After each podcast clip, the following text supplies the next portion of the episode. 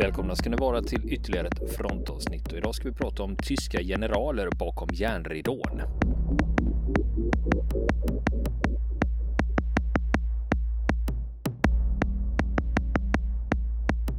Ja du Niklas, ska vi fortsätta nu med Wilhelm Adam? Det är en evighetsserie det här.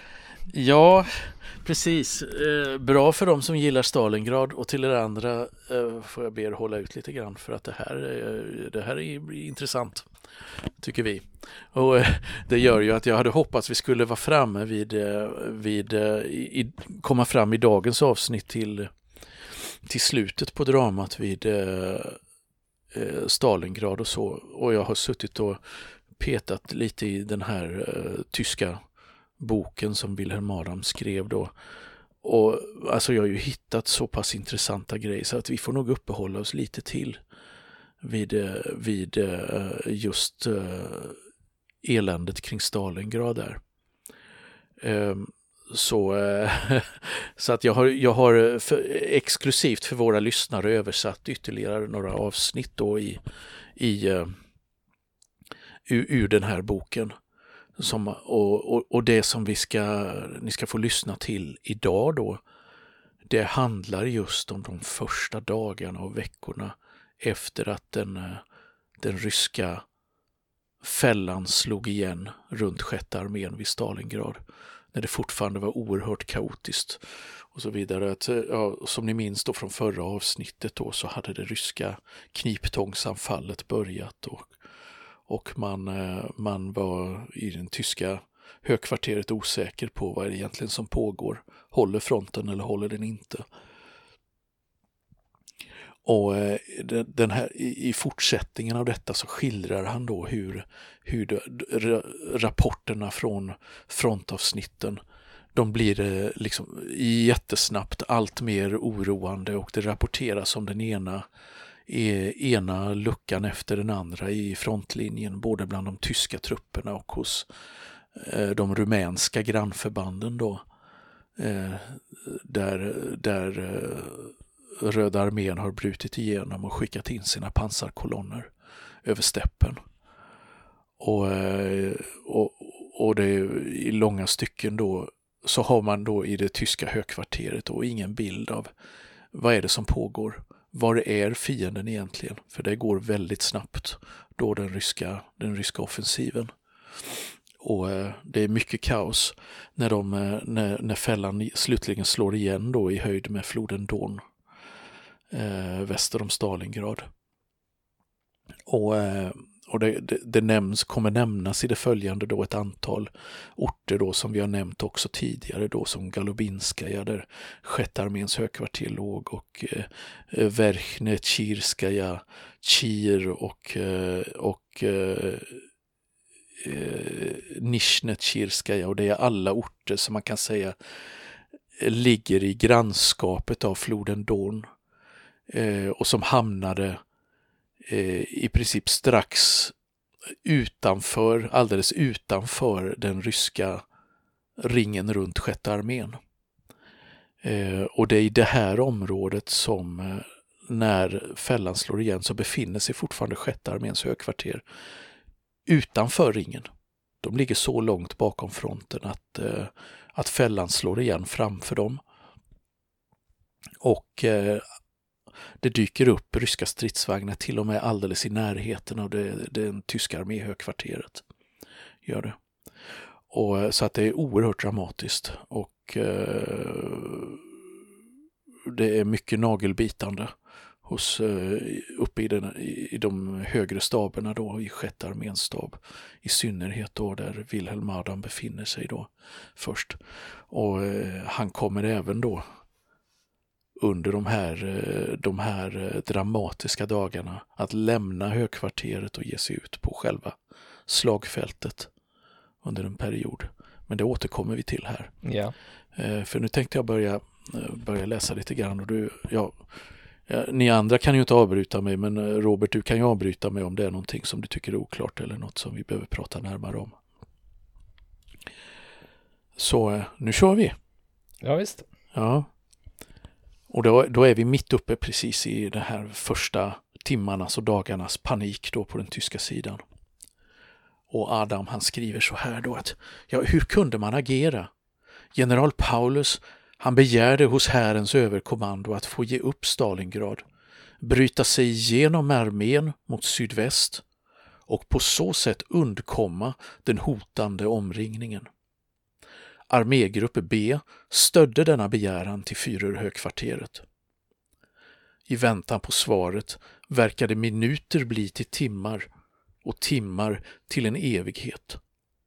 Under tiden utkämpade våra angripna trupper en förtvivlad kamp utan att kunna hejda motståndaren. Delar av etappförbanden flydde i vild panik mot öster när stridsvagnarna med den femuddiga röda stjärnan närmade sig. Ledningarna för sjätte armén och armégrupp B väntade emellertid lydigt på den högste befälhavarens beslut, ja, det vill säga Hitlers alltså. Under kvällstimmarna anlände till slut det efterlängtade telexmeddelandet. Men det var ett nej till en utbrytning. Stalingrad skulle hållas. Det ville Hitler och Härens överkommando. Paulus, stabschefen Schmidt och alla vi andra som på grund av vår militära ställning hade inblick i sjätte arméns katastrofala situation var bittert besvikna. Men alla lydde order. Under natten orienterade general Schmidt alla avdelningschefer i staben om den senaste händelseutvecklingen. Nya, förfärande budskap. Under tiden hade det bekräftats att rumänska tredje armén var fullständigt krossad. Hålet i vår vänstra flank hade blivit större. Den elfte armékåren och fjortonde pansardivisionen förblödde i försvarsstriderna. Fjärde pansararmén som alltså låg till höger om sjätte armén, hade splittrats. Dess stab hade retirerat västerut. Alla möjliga enheters etappförband flydde undan de sovjetiska pansarkilarna. Hur lång tid skulle det dröja innan motståndaren befann sig i Galubinskaja, där sjätte arméns stab låg?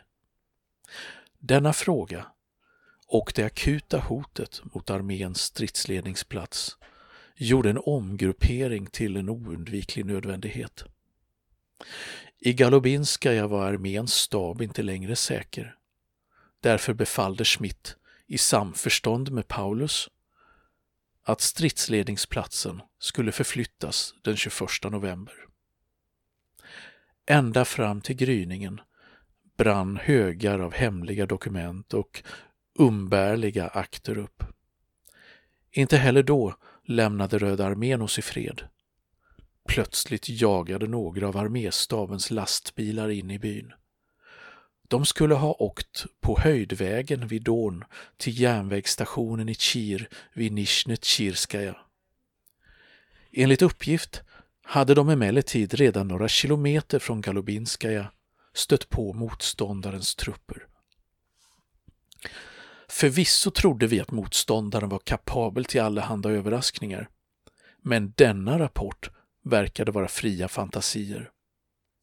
Förste stabsofficeren, överste Elschlepp, ansåg de är så rädda att de ser spöken. Men det var inga spöken. En motoriserad spaningspatrull under befäl av en officer sattes genast i marsch av Schmidt och bringade genast klarhet i saken. Med avbländade strålkastare och strypta motorer rullade ett par Kübelwagen och motorcyklar långsamt söderut. Knappt en timme hade gått innan de återvände och chefen för spaningspatrullen rapporterade att de röda stridsvagnarna i själva verket stod knappt 20 kilometer söder om Galobinskaja på höjdvägen vid Don. Den kortaste vägen till den nya stridsledningsplatsen i Nizjnestjirskaja var alltså spärrad. Med blandade känslor förstärkte vi vaktposterna. På höjdvägen vid Don gick några pansarvärnskanoner i eldställning. Även naturen verkade ha konspirerat emot oss. Under natten mellan den 20 och 21 november sjönk termometern till minus 20 grader. Snötäcket som hade töat under dagen stelnade till is. Förbindelsevägen från Galubinskaja till höjderna vid Don blev glashall. Och det gick runt i huvudet på mig när jag tänkte på att våra tunga fordon skulle ta sig upp för denna branta backe. Men det var ännu inte dags för det. Paulus hade beslutat sig för att inrätta en framskjuten stabsplats för armén mellan floderna Don och Volga för att trygga en säker och smidig ledning. Den skulle bemannas av förste stabsofficeren, underrättelseofficeren och en kvartermästare med motsvarande fordon. Platsen som han valde var en punkt väster om Gumrak i närheten av järnvägsstationen. I gryningen anlände general Walter Hube, chef för 14 pansarkåren, till Galubinskaja tillsammans med sin stab. Han rapporterade att 16 och 24 pansardivisionernas stridsvagnar hade dragits bort från frontlinjen och skulle anlända till Don på eftermiddagen eller kvällen. Denna nyhet fyllde oss alla med tillförsikt. Hube åtnjöt ett stort anseende i staben. För i augusti hade han på en enda dag stött fram genom fiendens front vid Don ända till Volga med sin 16 pansardivision. Naturligtvis visste jag att stridsvagnarna hade lidit stora förluster i striderna om staden. Men nästan på samma vis som en drunknande sträcker sig efter halmstrået satte även jag allt hopp till Hube. Paulus gav kårchefen en ingående redogörelse för situationen på västra sidan om Don. Därefter förklarade han uppdraget för honom.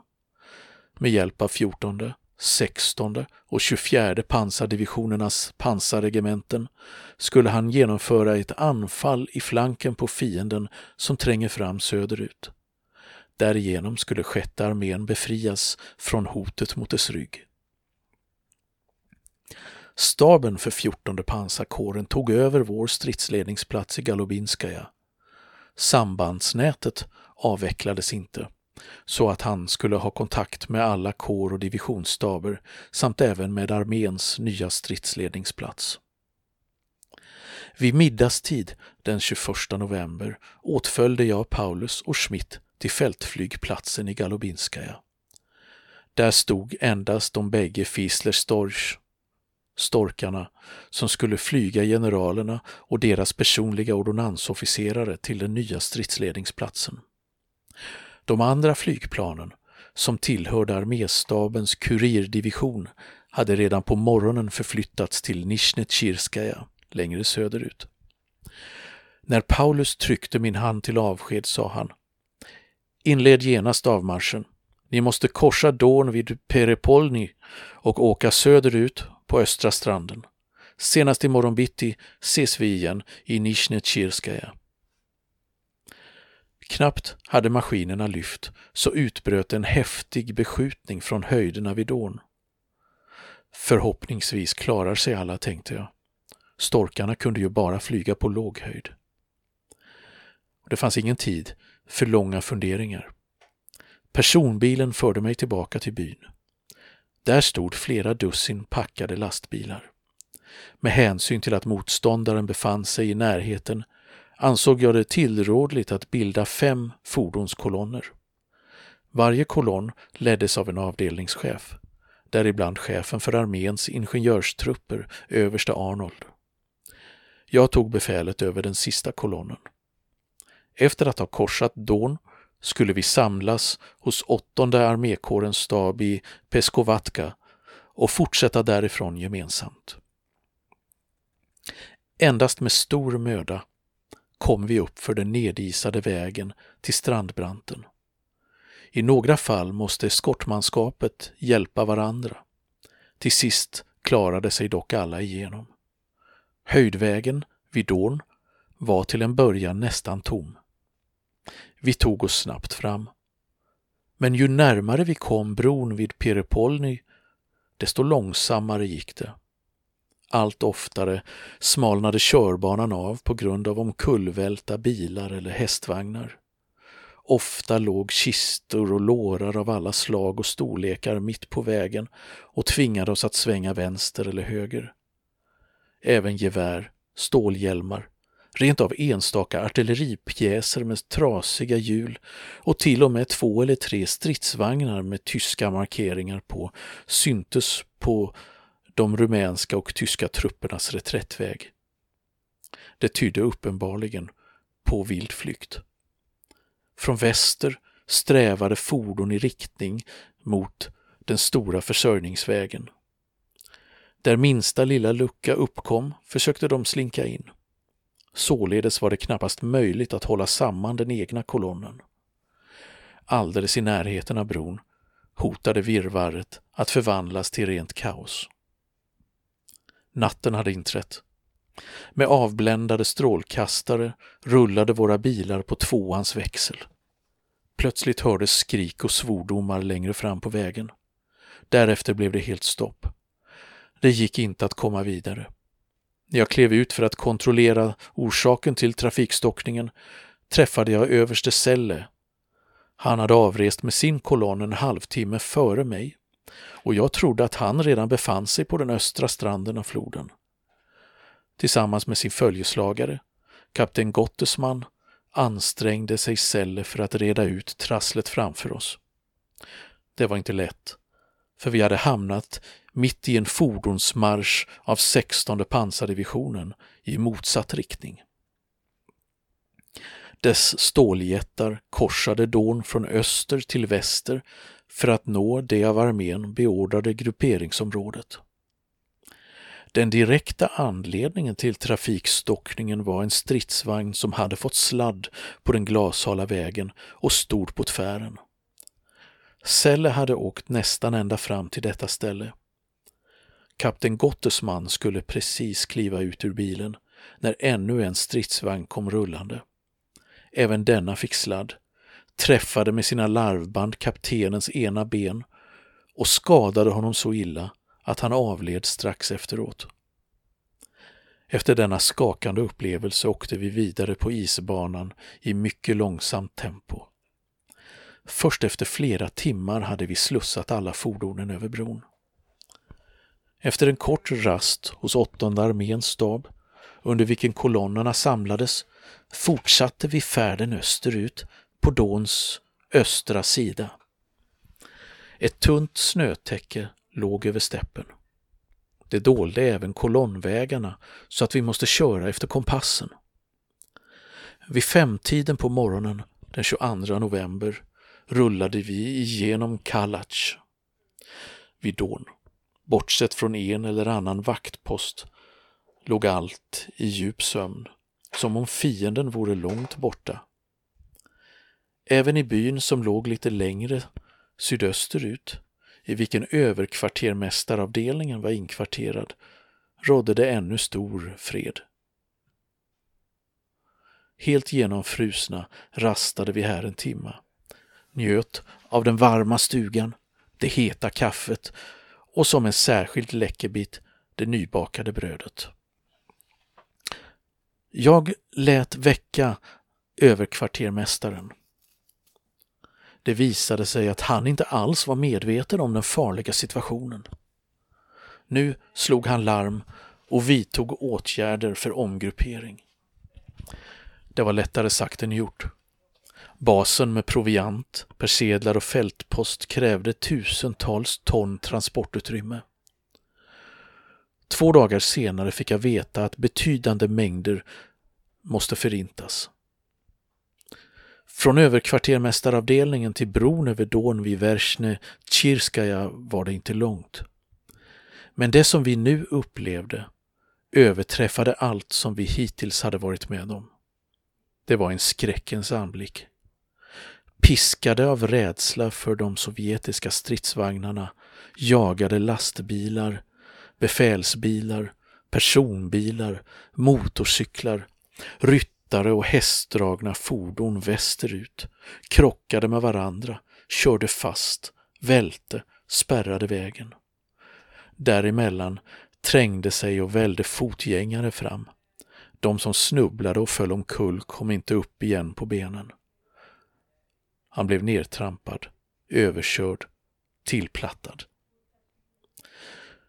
På jakten efter räddningen av livhanken lämnades allting kvar som hindrade flykten. Vapen och utrustningsdetaljer kastades bort. Fullastade ammunitionsvagnar, fältkök och trossfordon blev stående, för man kunde komma snabbare fram på de avselade hästarnas ryggar. Det vildaste kaoset utspelades i Versnetjirskaja.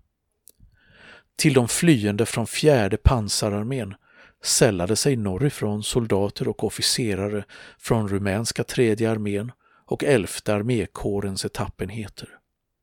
Alla lika i sin panik och huvudlöshet. Alla strömmade i riktning mot Nizjnetjirskaja.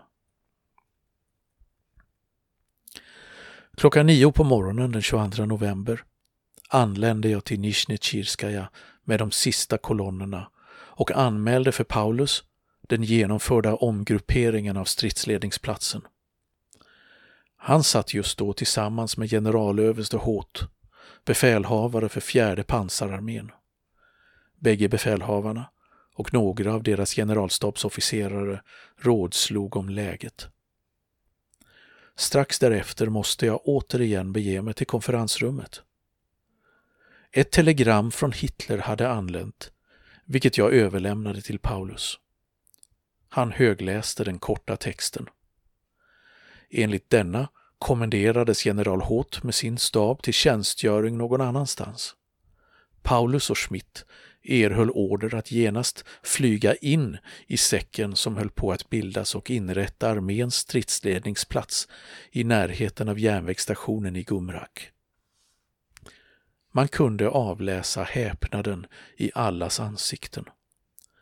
Medan Hoth verkade vara glad över att komma bort från detta dilemma hade Paulus och Schmidt blivit väldigt fundersamma.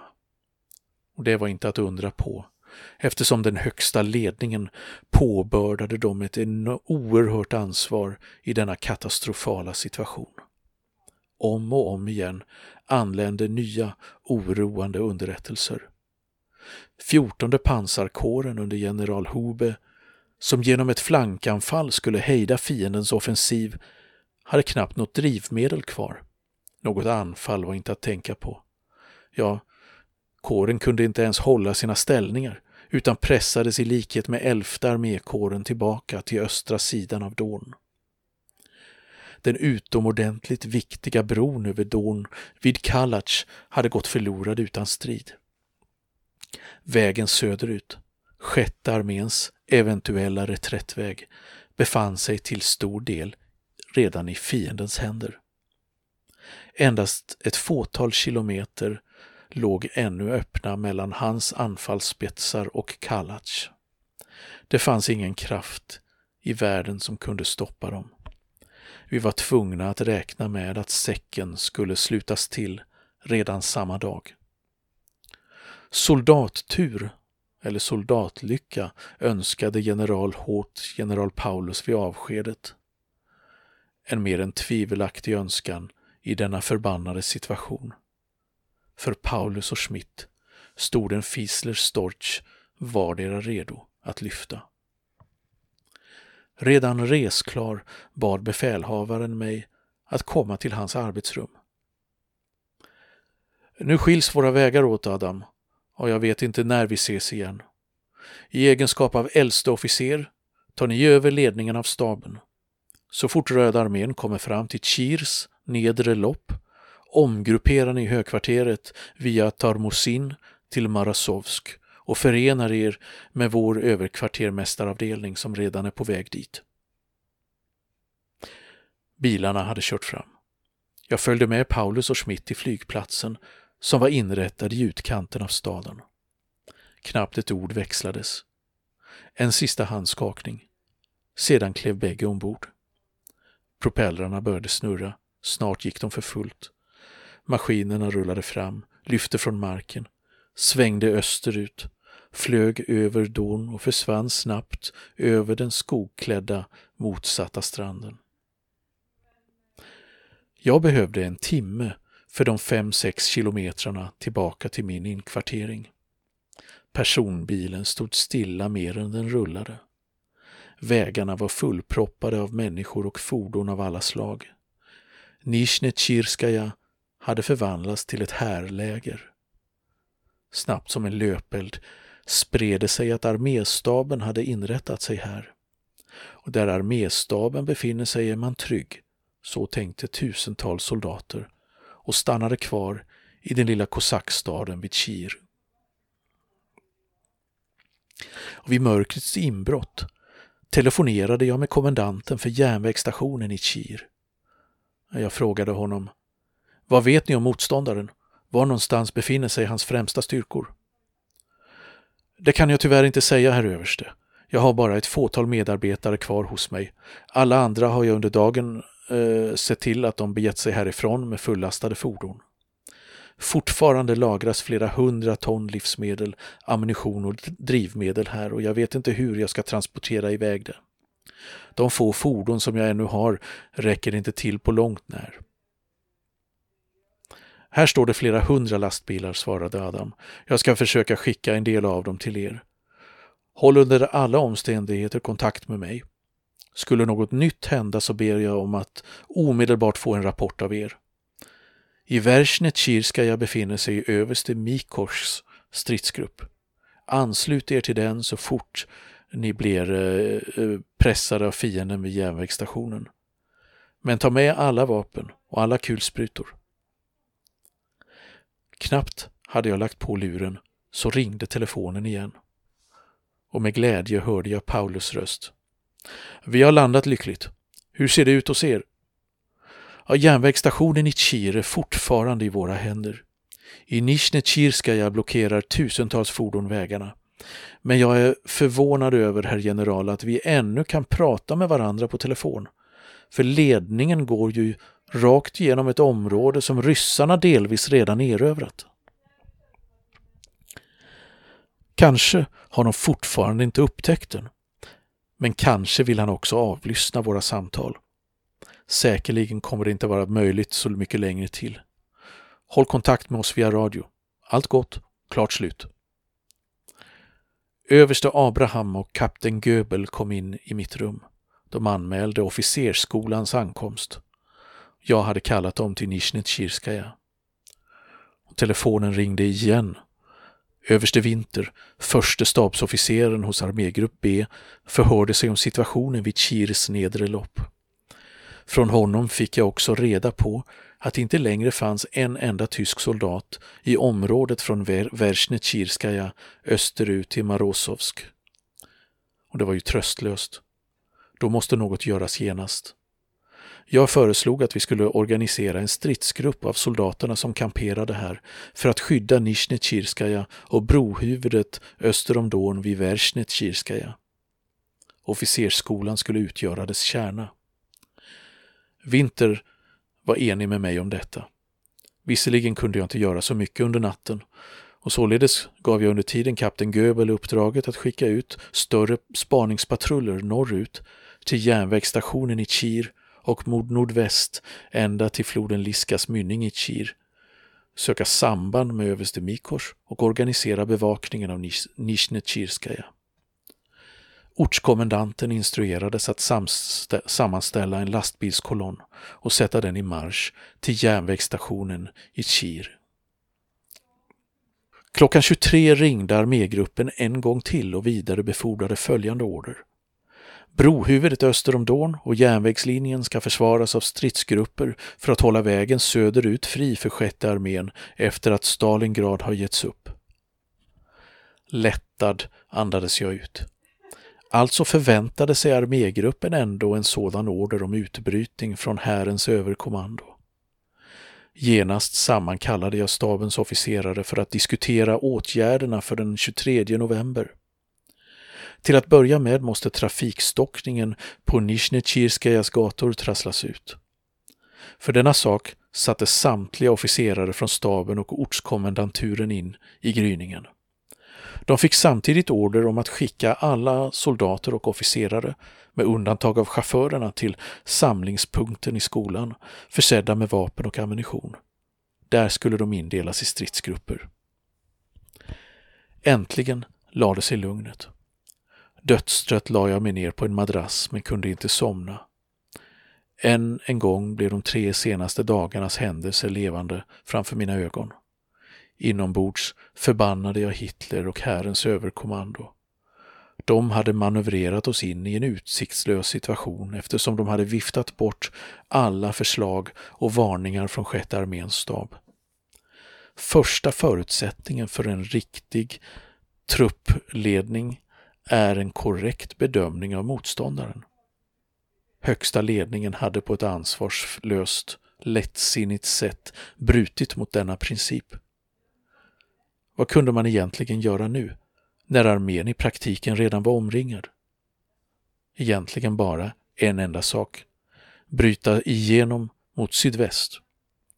Det måste lyckas att fram tills dess hålla brohuvudet över Don öster om Versnetjirskaja.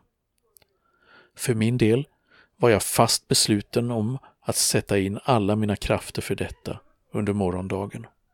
Kan vi ju sätta punkt där för den här gången. För nu, och så får vi fortsätta ja, nästa så vecka. Vi, så får vi fortsätta nästa vecka. Nu blir det, nu blir det mycket östfronten här för, för alla som gillar det.